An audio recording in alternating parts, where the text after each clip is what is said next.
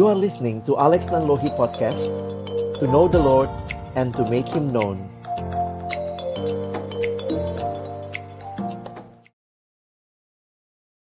Halo Halo. teman-teman Selamat tahun baru. Selamat tahun baru.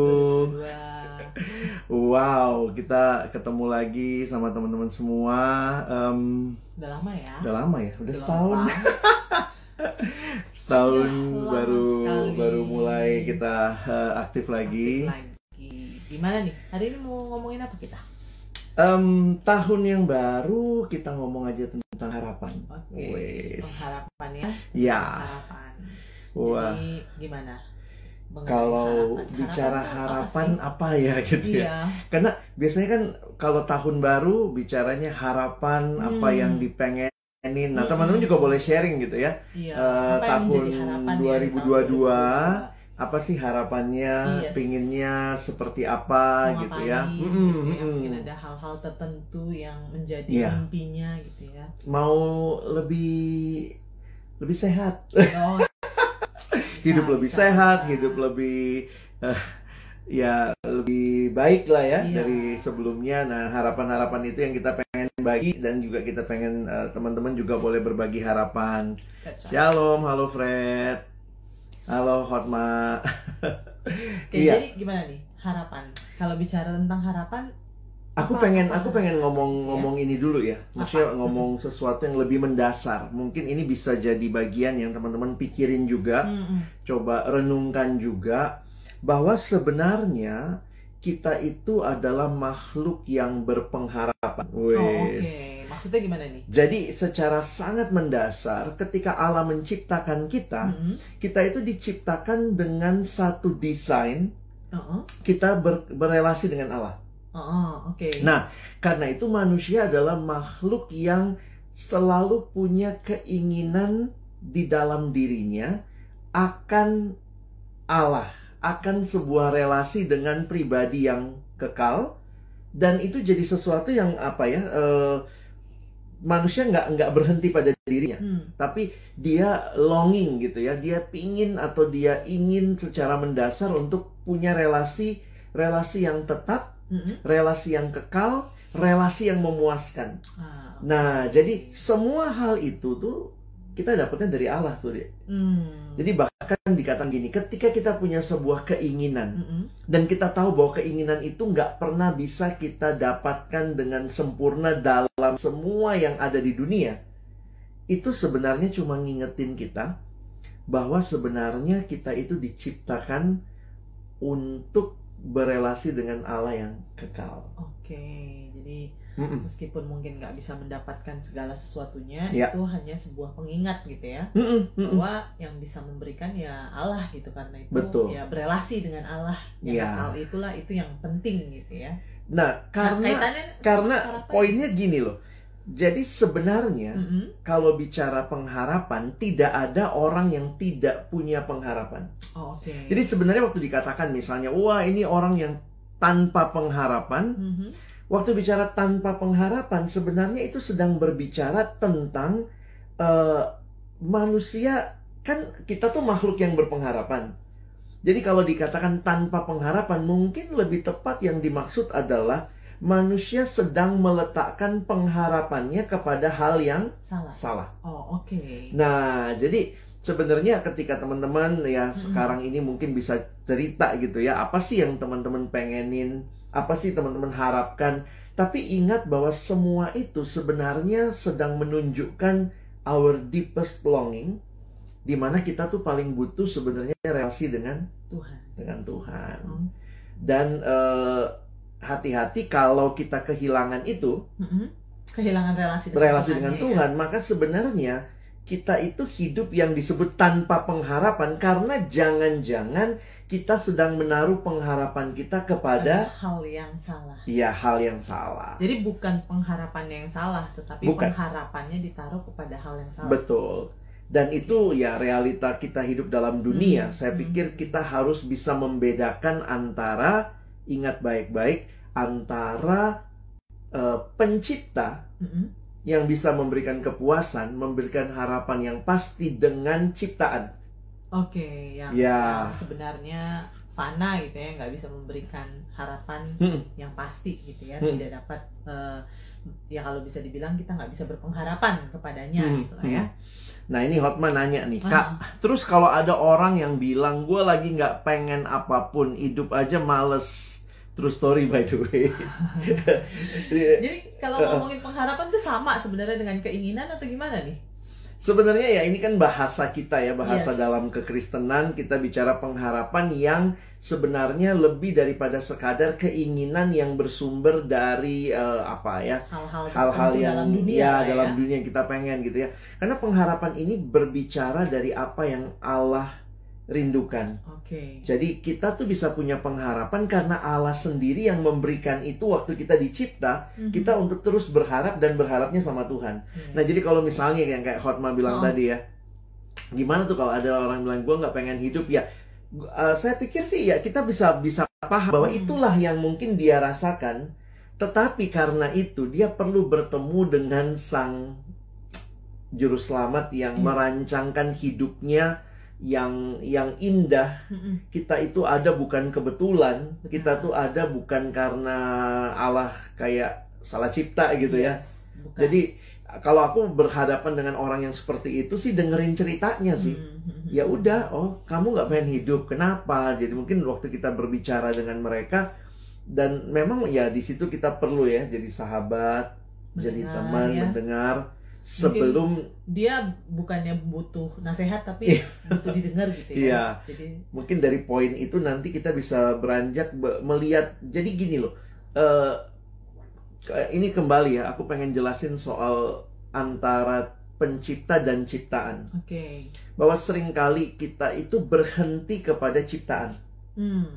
bahwa eh, keinginan kita hanya sebatas mendapat apa yang kita mau tuh yang kayak tadi ya keinginan Ya. begitu ya sehingga kita mungkin mengabaikan relasi dengan Allah bahkan tidak melihat Allah sebagai eh, pribadi yang sanggup gitu ya Iya, eh, mem- memberikan, memenuhi harapan kita, atau bahkan dia jadi tujuan dari seluruh yang kita harapkan. Nah, sering kali yang terjadi gini deh. Orang menjadikan Allah sebagai alat mencapai tujuan yang dia mau. ah oke Gue pengen kaya, gue pengen kaya, ya udah, ya biar pengen kaya nanti. supaya bisa dapat banyak duit jadi- baik-baikin Tuhan, Ah, kasih persembahan, begitu Allahnya ya. Jadi sebenarnya memang ini ya eh, konsep mendasar kita mesti bedain gitu ya antara Allah sebagai alat dan sebagai ya tujuan dan tujuan begitu ya. Karena aku ingat banget ya ayat yang kita suka khotbahkan ya Hmm. Roma 11 ayat 36. 36 ya. Sebab segala sesuatu dari Dia, sumbernya tuh Allah. yes Lalu Benar. oleh Dia, ah yang menopang ya. ditopang oleh Dia dan bahkan tujuan akhirnya juga Allah kepada dia. Nah, jadi eh, ini ada ada ilustrasi yang aku ingat gitu ya sering kali dalam khotbah. Ini ilustrasinya tentang em, sebuah keluarga. Mhm. Waktu itu mereka mau jalan-jalan ke mana? Mereka mau ke Taman Safari. Oke Wah, jadi teman-teman yang tahu Taman Safari di Ciawi ya di Bogor gitu ya, di Cisarua gitu.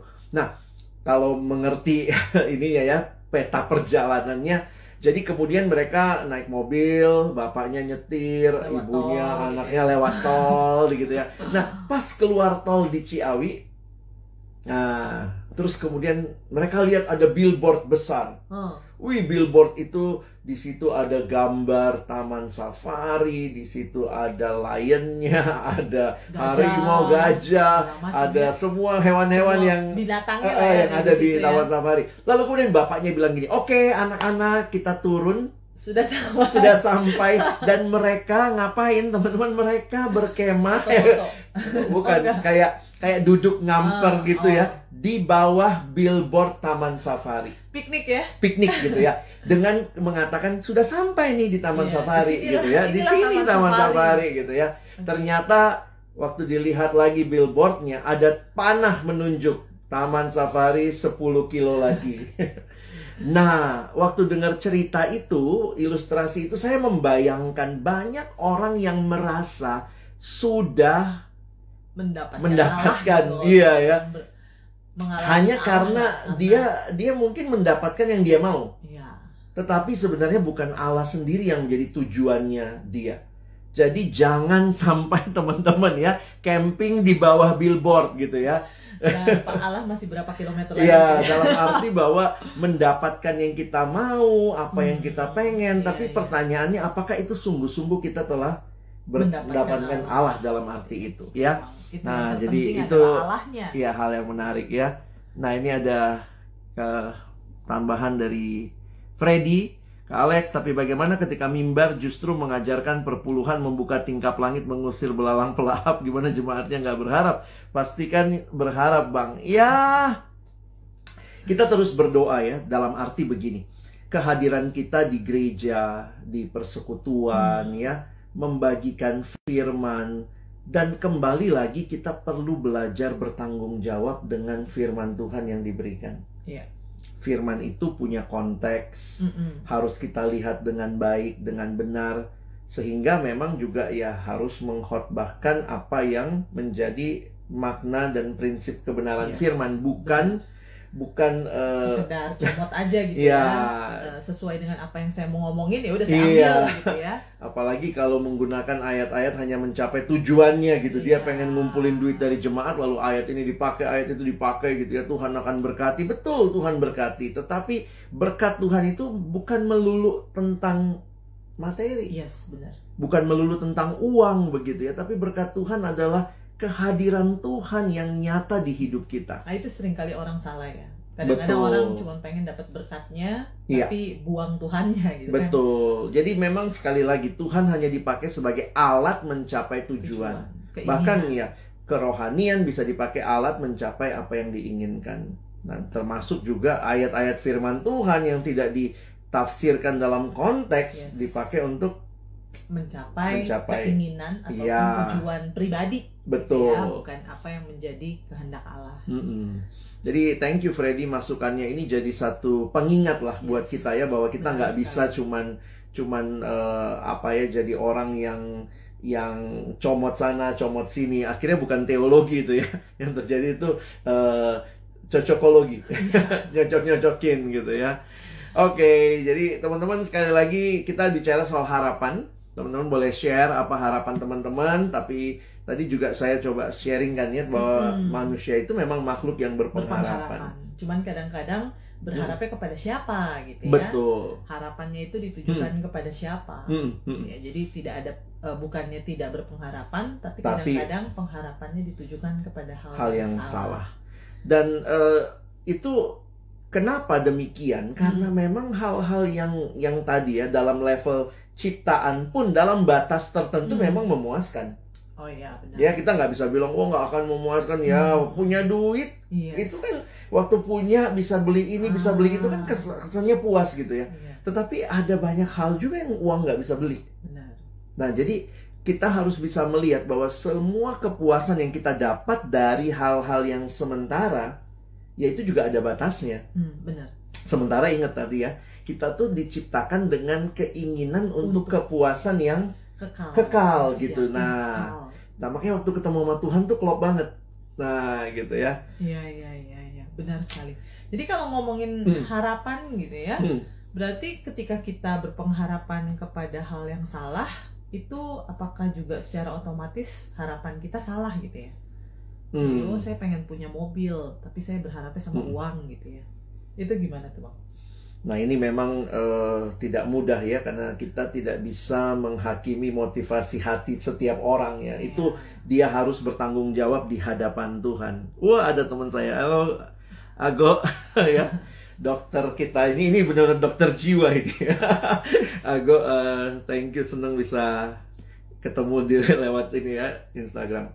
Jadi kalau bicara balik lagi ya, kalau bicara tentang bagaimana kita eh, punya pengharapan hal-hal yang seperti itu, saya melihatnya em, Tuhan memberikan kepada kita juga hikmat, akal Hmm, budi, oke, begitu ya. oke. Jadi sekali lagi kita mesti terbuka jujur di hadapan Tuhan ya. Ketulusan kita di hadapan Tuhan tuh jadi bagian penting gitu ya. Hmm, Nah, tapi apa rambu-rambunya gitu?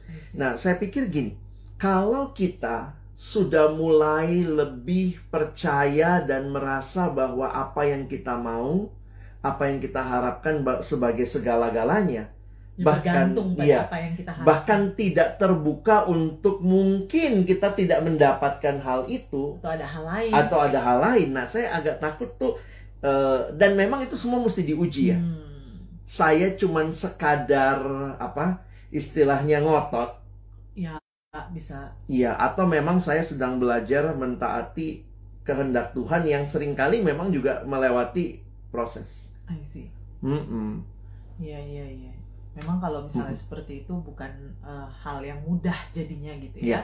Kalau misalnya kita lihat bagaimana banyak orang sekarang ini ya berpengharapan punya eh, punya harapan tetapi ya kembali lagi jangan-jangan berharapnya kepada hal-hal yang salah, hal-hal yang sebenarnya nggak tepat gitu kali ya. Ini mungkin nyambung sama pertanyaannya Hotma ya. Kak, gimana caranya kita tahu harapan itu sesuai dengan maunya Tuhan apa enggak gitu ya?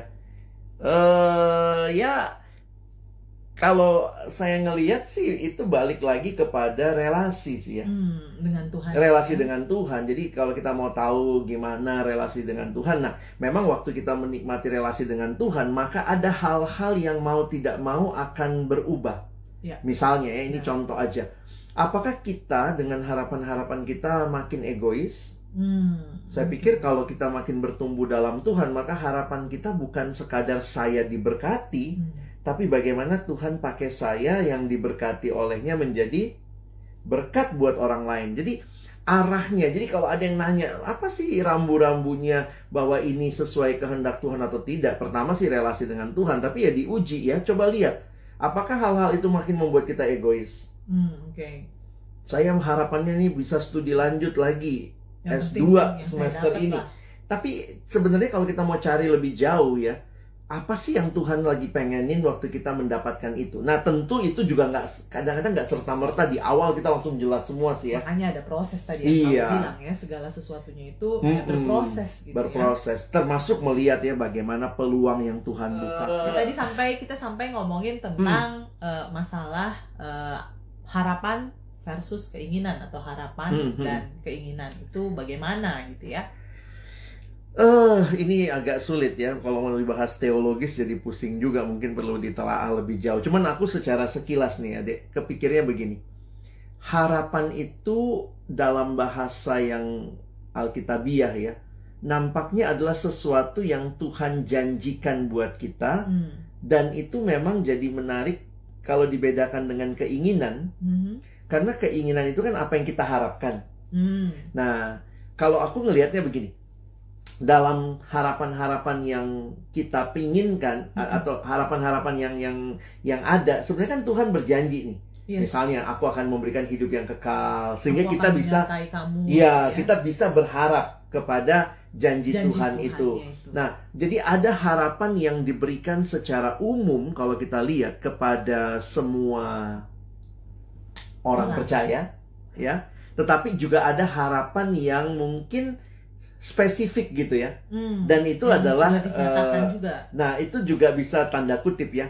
Ketika Tuhan memberikan harapan itu Hmm. buat kita, bisa juga Tuhan kasih keinginan dalam hati kita untuk Oke. mengharapkan itu. Yes. Sementara kalau yang lain-lain sih apa? Tuhan janji akan datang kedua kali, kita berharap. Tuhan Hmm. janji kita akan hidup kekal, kita berharap. Yes. Tuhan janji kita akan menang atas dosa. Ya, kita punya pengharapan dalam hal itu. Dan itu adalah pengharapan yang pasti. gitu Ya, kenapa pengharapan itu pasti? Bukan karena situasinya, tetapi karena yang berjanji itu adalah Allah yang Pasti. pasti, Allah yang kekal, Allah yang setia. Jadi siapa yang kepadanya kita berharap itulah Ah, iya. ya yang bisa kita Karena pegang. begini loh, kalau misalnya ya, ada temen janji gitu ya, eh, ntar kita makan kepiting bareng gitu misalnya ya.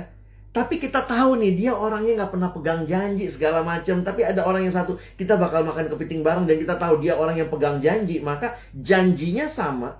Tapi bisa jadi tingkat keyakinan kita tuh berbeda. beda Karena gitu kita ya. kenal. Betul, kita kenal. Betul. Jadi pengenalan akan Tuhan menolong kita punya Eh, pengharapan pengharapan yang yang pasti begitu ya. Makin kita yakin bahwa dipegang. Iya ya Tuhan setia kepada janjinya. Hmm. Nah sementara bagaimana kalau kita cuma punya keinginan-keinginan? Nah itu diuji. Ah, Apakah memang keinginan itu memang apakah itu yang sesuai Tuhan dengan apa yang- yang, jadi kehendak. betul begitu sih? Dan aku lihat tadi ya prinsip-prinsipnya ya. Jangan sampai itu cuman sekadar eh, keinginan yang berfokus kepada diri sendiri diri sendiri. Bukan berarti Tuhan tidak peduli dengan diri Hmm. kita, tetapi saya yakin bahwa Tuhan menciptakan kita pertama untuk memuliakan Dia, yes tapi juga untuk mengasihi sesama. Dan itulah perintah yang diberikan ya, kasihilah Tuhan Allahmu, kasihilah sesama manusia.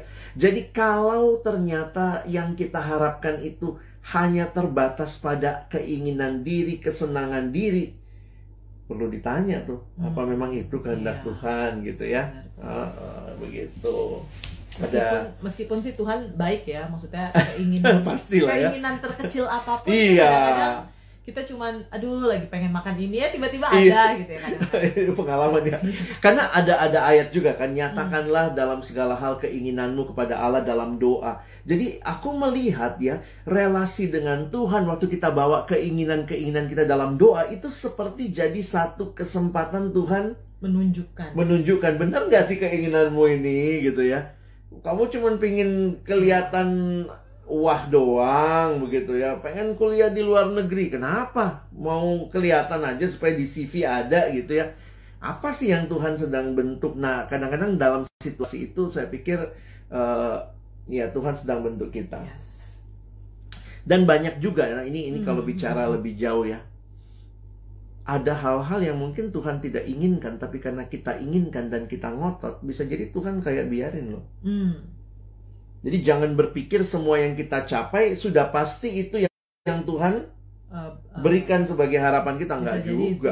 ya udah gitu ya Iya, aku agak takutnya kalau seperti itu. Misalnya, Tuhan aku pengen sama istri orang, misalnya. hmm.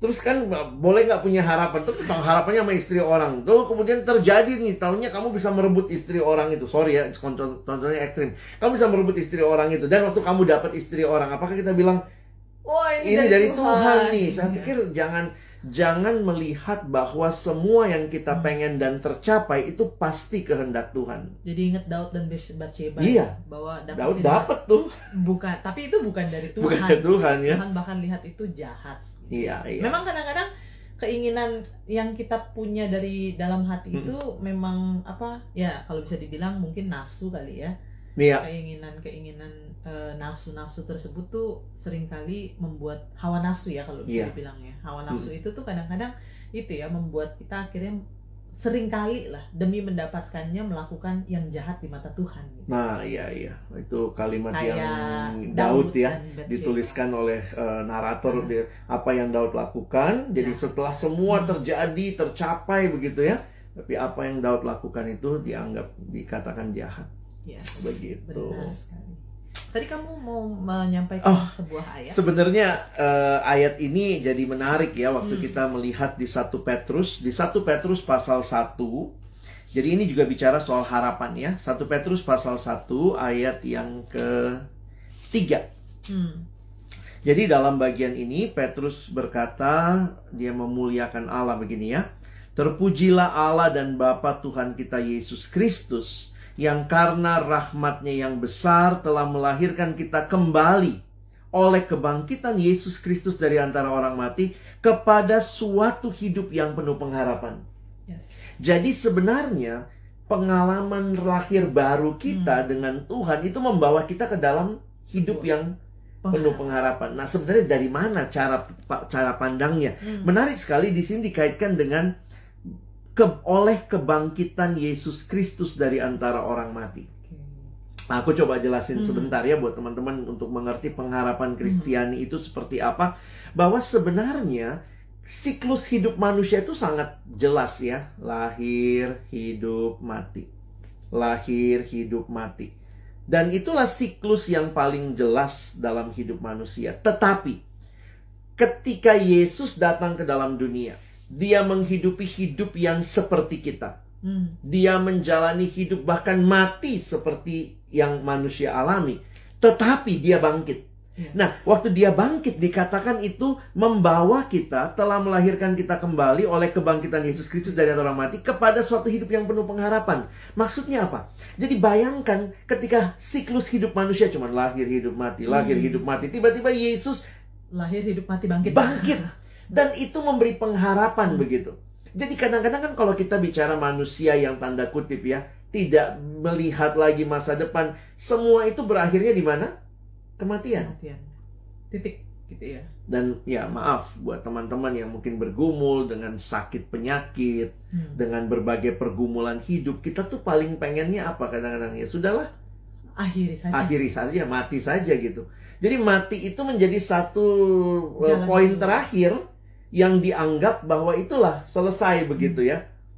Dan waktu orang mungkin kita lihat juga yang meninggal karena cancer, meninggal karena kecelakaan segala macam. Jadi sebenarnya kematian itu saat sesuatu yang sangat menakutkan bagi manusia yang tidak tidak ada yang siap. Hmm. Yes. Tetapi Kristus yang kita percaya dia melewati kematian itu dan dia bangkit. Hmm. Karena itu ketika kita punya pergumulan, mati itu bukan jalan terakhir. Merasa nyerah selesai tapi Tuhan mau memberikan kita, ayo bangkit gitu. Dan itu menjadi satu pengharapan yang berbeda banget. Yes. Dan menjadi sebuah pengharapan yang pasti karena kita berpengharapan kepada, Kepada Yesus yang bangkit, Dia bangkit. bukan yang mati. Ya. Kalau Yesusnya mati ya nggak usah dengar kalimat-kalimatnya, tapi waktu dia bangkit maka hidup kekal itu pasti. Yesus bakal datang kedua kali itu pasti, tapi kemudian kita menanti dan dalam masa menanti itulah kita terus berpengharapan begitu ya. Kepada Kristus Nah, yang bangkit itu. Kristus yang bangkit. Makanya perhatikan di ayat yang keempat, 1 Petrus 1 ayat 4. Untuk menerima suatu bagian, nah ada tiga hal yang dikatakan. Yang tidak dapat binasa, yang tidak dapat cemar, dan yang tidak dapat layu. Wih, hebat Hmm. banget. Dan tiga-tiganya yang tersimpan di sorga bagi kamu. Nah, jadi pengharapan itu ya kiranya kita mengingat ya buat teman-teman yang punya pergumulan ingat Yesus yang bangkit itu membuat kita juga bangkit dari segala Iya. ya putus Pergumulan, asa, kondisi. pergumulan, kondisi dan melihat bahwa ini bukan titiknya bukan di situ tapi Yesus bangkit karena itu mari berjalan bersama Tuhan, berharap bersama Hmm. Tuhan dan yang menarik begini deh. Hidup dalam Tuhan, punya harapan dalam Tuhan bukan berarti nggak punya masalah. Ah, tentu. ya. Justru sering kali ya pergumulan hidup yang sulit membuat harapan kita makin Kuat. makin kuat ya tuh kan? Karena kita punya pergumulan kita terus bisa berharap Ah. sama Tuhan.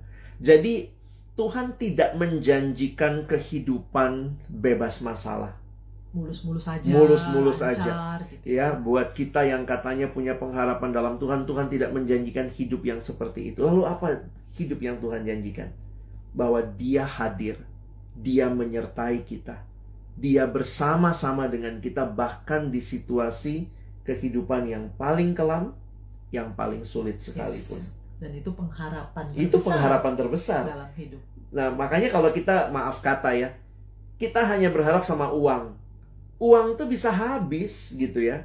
Yes. Lihatlah orang yang mungkin harus eh, berobat Mhm. dengan uang yang kayaknya banyak. banyak, tapi eh, habis juga. Mhm. kita berharap sama manusia, manusia bisa lupain kita gitu ya. Kita berharap sama hal-hal makanya hal-hal seperti itu silahkan digunakan, tetapi jangan menaruh pengharapan kita kepada hal tersebut. Jangan camping di bawah Eh, billboard. billboard Taman ya Safari. taman safari. Ya, sorry ya taman safari disebut ya. Tapi mari berharap kepada Tuhan. Ya. Memang itu ya gampang diomongin teman-teman, tapi ya kita mengalaminya bukan itu hal yang mudah. bukan hal yang nah, mudah. makanya tetap butuh proses. Betul. Relasi terus sama Tuhan. Betul. Karena yang kuatin ya Tuhan gitu ya. Mm-mm. Yang mampukan ya Tuhan, bukan kita kan. Dan kekuatan Aku pikir gitu, kenapa Kristen kayaknya menjanjikan sesuatu yang utopis, yang nanti, yang yang tidak bercela, tidak bercacat? Karena sebenarnya apa yang ada di- dalam dunia sekarang sesuatu yang tanda kutip eh, akan habis. Iya akan habis gitu ya. Nah dan itu yang menolong kita untuk juga bergerak maju gitu. Kita lihat dulu nih ada yang bertanya kah? Oh oke. Baik. Jadi teman-teman ya ini sedikit bagian tentang pengharapan yang kita bagiin malam Yes. hari ini. Benar sekali. Supaya silahkan teman-teman punya keinginan apa pun ya. Ini ya, untuk tahun 2022 dua. silahkan. 2022. Dua- Eh, 22, ya. 2022 Ya. Tapi mari ingat bahwa ada pengharapan yang Pasti, pasti yang kekal di di dalam dalam Kristus, Kristus. yang bangkit. Yes. Ya. Dan kiranya itu yang mewarnai kita juga Hmm. untuk me- mengevaluasi kali ya Iya. keinginan-keinginan kita, Pribadi. harapan-harapan kita, apakah makin selaras dengan kehendak Tuhan. Soalnya banyak bang yang bilang udahlah nggak usah berpengharapan, Nah, yang toh gitu nanti juga. kecewa gitu ya. Hmm. Toh nggak akan tercapai juga gitu. Buat apa sih eh, eh, ngarep lalu kemudian nanti eh, ujung-ujungnya kecewa gitu ya? Itu gimana tuh bang? Apakah kemudian Hmm, hmm. ya udahlah daripada kecewa lebih baik nggak usah berharap atau ya apakah kemudian kekecewaan merupakan bagian dari berharap atau bagaimana ya? Saya terus berpikir dengan Hmm. prinsip tadi ya bahwa Hmm. manusia itu makhluk yang berpengharapan. Yes. Sebenarnya ini agak mirip ya. Manusia itu adalah makhluk yang menyembah. Pasti Hmm. sedang menyembah sesuatu. Aha. Waktu dia bilang, aduh pokoknya gue nggak mau ikut Tuhan, gue nggak mau ikut Hmm. siapa-siapa, pokoknya gue nggak mau. Tapi sebenarnya ada yang sedang dia ikutin. dirinya sendiri mungkin. Yes. Dan itu yang sa- saya baru mau bilang. Mungkin waktu dia kecewa dengan pengharapan, takut kecewa. Hmm. Tapi sebenarnya dia sedang merasa bahwa dia yang perlu mengontrol segala sesuatu. Jadi Oke. sebenarnya dia sedang menyerahkan eh, kendali itu kepada diri sendiri begitu. Hmm, hmm, hmm. Dan ini yang jadi bahaya sih kalau kita bicara eh, ya namanya hidup di dalam Tuhan. Saya bilangnya bahayanya begini karena mungkin kita tidak sadar. Tapi sebenarnya itu membuat kita semakin jauh dari Tuhan, semakin tidak merasa butuh Tuhan. Toh tanpa Tuhan kayaknya aman-aman aja. Wah, makin jauh, makin jauh, makin jauh nanti akhirnya sudah kita merasa kitalah yang kontrol hidup kita. memang itu sesuatu hal yang Hmm. bisa menjauhkan kita justru dari Tuhan gitu ya. Bahwa kita sering kali memang sih kadang-kadang menyalah ujung-ujungnya nyalahin Tuhan ya Hmm, hmm. pengharapan eh, nggak tercapai kecewa eh ujung-ujungnya biasanya nyalahin Tuhan Nyalain Tuhan ya. padahal mungkin Hmm. itu sesuatu hal yang eh, bukan atau tidak sesuai lah dengan Hmm, apa hmm. yang jadi kehendaknya Tuhan ya. Nah, ada pertanyaan nih dari Teruna Betania di Makassar. Halo adik-adik Teruna, saya dulu dari Teruna GPIB di Makassar juga, Ah. di Betania juga ya. Kak, apakah berharap sama dengan beriman? Oke. Gimana tuh, Dek? Kalau di dalam kekristenan kan kita bicara ada tiga triloginya Paulus ya, misalnya yang muncul bukan cuma Paulus ya, dalam surat-surat yang lain, rasul-rasul yang lain juga seperti Pengharapan, Petrus, iman, iman, pengharapan, pengharapan dan dan kasih. Dan saya pikir kalau mau dibedakan maka kita bicara iman, iman itu bicara yakin dan percaya kepada Kristus, kepada Yesus. Itu iman. Kasih itu biasanya relasi dengan sesama, sementara harapan kita sebenarnya itu di dalam Kristus. Dan kenapa kita bisa berharap ya karena kita memiliki iman. Jadi Iman iman, itu yang itu yang membuat kita berharap begitu. Jadi eh, memang makanya jadinya orang yang beriman dia orang yang berharap. Yes. Orang yang berharap tentunya dia punya iman. Hmm. Kalau enggak ngapain? Kalau saya beriman kepada misalnya eh, dokter itu dalam arti percaya ya ini. Saya percaya nih dokter ini bagus banget nih dia bisa nih. Maka waktu saya beriman dalam arti saya percaya pada dokter itu maka saya akan berharap bahwa berharap dokter bisa itu yang nanti akan nyembuhin saya begitu. Jadi sebenarnya itu harus berjalan bersama. Makanya Paulus selalu ingatkan untuk misalnya eh, ketekunan pengharapanmu, usaha kasihmu, Hmm. dan juga imanmu. Jadi itu perlu bertumbuh ya. Iya. Semakin kita bertumbuh dalam Tuhan, kita semakin mengasihi Tuhan, kita semakin mengasihi sesama, kita semakin teguh dalam pengharapan. Benar sekali. Begitu. Jadi iman itu eh, menolong kita untuk memiliki pengharapan. Betul. gitu ya. Mm-mm. Dan ya kenapa kita bisa berpengharapan? Ya kembali lagi karena, Karena kita percaya. Percaya. Dan percaya itu beriman. Percaya kepada siapa? kepada Yesus yang bangkit. Nah, jadi kalau bicara apa ya Tuhan Yesus tuh kebangkitannya itu makanya dikatakan di 1 Korintus Paulus Hmm. bilang kalau Yesus nggak bangkit sia-sialah kepercayaan kamu. Dan kamu masih hidup dalam dosamu. Karena memang kebangkitan Kristus tuh memastikan. Ya. memastikan kita diampuni. Memastikan bahwa semua janji Hmm. Tuhan itu benar bukan Ada. sesuatu yang eh, bukan JJS ya janji-janji Janji. surga. Sebenarnya palsu, janji Iya palsu. janji, janji palsu ya orang selalu ngomong janji surga kayak kesannya janji surga tuh janji yang terlalu Wah, wah muluk ya. Padahal ingat ya yang Yesus berikan tuh janji surga gitu ya. yang Jadi pasti. yang pasti gitu. Nah itu jadi menarik ya. Oke. Sebagai penutup ada apa yang bisa kita sampaikan lagi ya, Dek? Ya mungkin di tahun 2022 ini Hmm. jangan takut berharap ya. Tapi Iya, ya iya. eh, ketika berharap letakkan pengharapan kepada pribadi yang tepat Yes. gitu ya, yaitu Yesus. Hmm. Dan eh, ingat, maksudnya ketika berharap mungkin kembali terus evaluasi apakah memang harapan-harapan tersebut adalah harapan yang sejalan ya Dengan apa yang, Tuhan mau. Betul. Dan menjalani proses itu saya pikir ya mari kita butuh kita butuh pertama ya tentu Allah memberikan rohnya yang kudus hadir Yes. dalam hidup kita. Benar. Karena itu kehadiran Roh Kudus memastikan kita juga terus bisa percaya, Hmm. memberikan kepada kita juga keyakinan untuk maju begitu ya. Nah, yang kedua, kita butuh firman. Karena itu mari baharui lagi relasi kita dengan Tuhan dalam firman. Baru awal-awal tahun Awal ya, tahun ya. menjadi masa-masa kita juga terus Mm-mm. perbaharui relasi komitmen kita Betul. untuk berelasi dengan Tuhan ya Karena begini ya, ini ini sedikit sharing ya bahwa sering kali kita eh, ya manusia zaman sekarang tuh sangat kuat perasaannya. Karena apa? Ini generasi yang perasaan tuh diangkat begitu kuat. Tapi ingat, perasaan pun sudah jatuh dalam dosa. Hmm.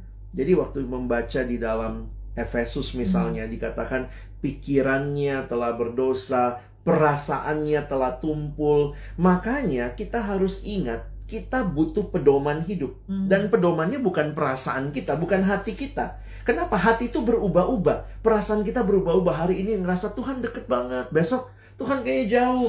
Nah, makanya kita butuh sesuatu yang pasti.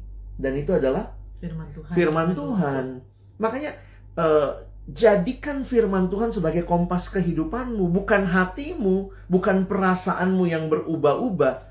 Jadi ketika misalnya saya lagi ngerasa Tuhan kayaknya lagi nggak sayang sama saya waktu baca Alkitab, enggak kok. Tuhan Alkitab sayang. Tuhan sayang, jadi bukan perasaan kita yang kita percaya apa? Firman. Tuhan. Makanya untuk punya pengharapan kita butuh berakar kuat di dalam firman firman Tuhan. Maka tahun ini awali juga dengan kerinduan membaca firman firman Tuhan. Jadi berelasi melalui berelasi firman melalui dan firman dan kita makin yakin gitu ya bahwa Allah berjanji. Makanya dikatakan firmanmu itu pelita bagi Yes. kakiku. Tuhan udah tahu kita jalan di dunia yang gelap, maka firman dibutuhkan sebagai pelita bagi kaki kita. Jadi pertama, Tuhan beri roh kudusnya supaya teman-teman tetap hidup dalam pengharapan, jangan mendukakan roh kudus. Yang kedua, Tuhan kasih firman, terus membaharui iman kita yes. untuk percaya pada Kristus. Dan yang ketiga, Tuhan kasih komu, Komunitas. komunitas. Mari kita hidup bersama dengan teman-teman dalam komunitas orang percaya. Ayo yang udah lama KTB-nya nggak jalan, Jalan Ayo lagi, yang udah ya. lama malas persekutuan, ayo. masa-masa masih masa-masa online Iya, ya bisa iya. bisa ketemuan secara online nih Tetap bisa diperjuangkan ya, bisa diusahakan. Hmm. Jadi, teman-teman, kita butuh orang-orang yang berjalan bersama yang sama-sama punya pengharapan. benar Bayangkan kalau kita hidup dalam dunia di mana teman-teman kita hanya orang-orang yang berharap pada uang, Yes. jabatan. pasti kita terpengaruh Kita jadi kayak terpengaruh kalau gue nggak punya itu kayaknya salah Salah Kayaknya, gitu ya. eh, kok Mm-mm. kayaknya hidup nggak berarti Mm-mm. gitu kali ya Aduh sekarang jujur aja ya lihat teman punya ih gila dia punya investasi.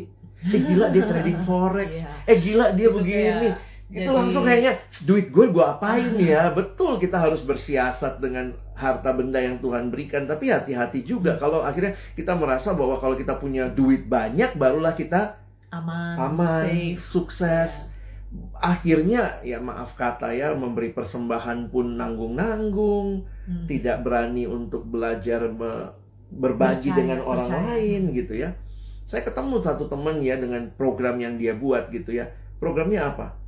Berapa orang yang kamu mau sekolahkan dalam seumur hidup kamu? Hmm. bagus juga tuh. Mhm. Jadi maksudnya gini, berapa orang yang akan kamu dukung studinya? Yes. Karena mungkin juga duit dia ngalamin dulu ya.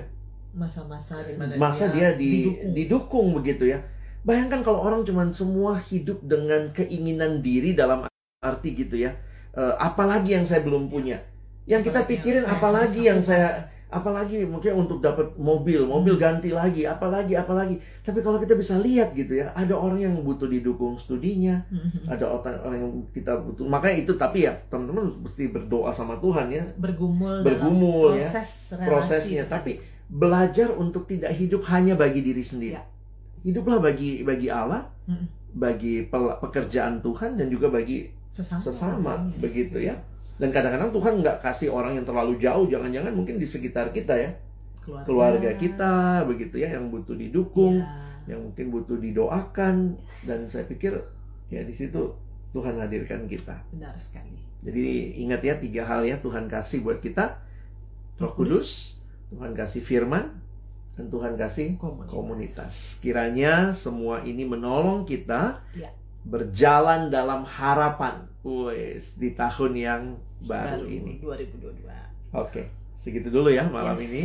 Thank you Terima kasih teman-teman. teman-teman yang sudah menonton. Ya Tuhan berkati. Tuhan berkati. Senang bisa uh, menyapa teman-teman sekalian. Selamat malam.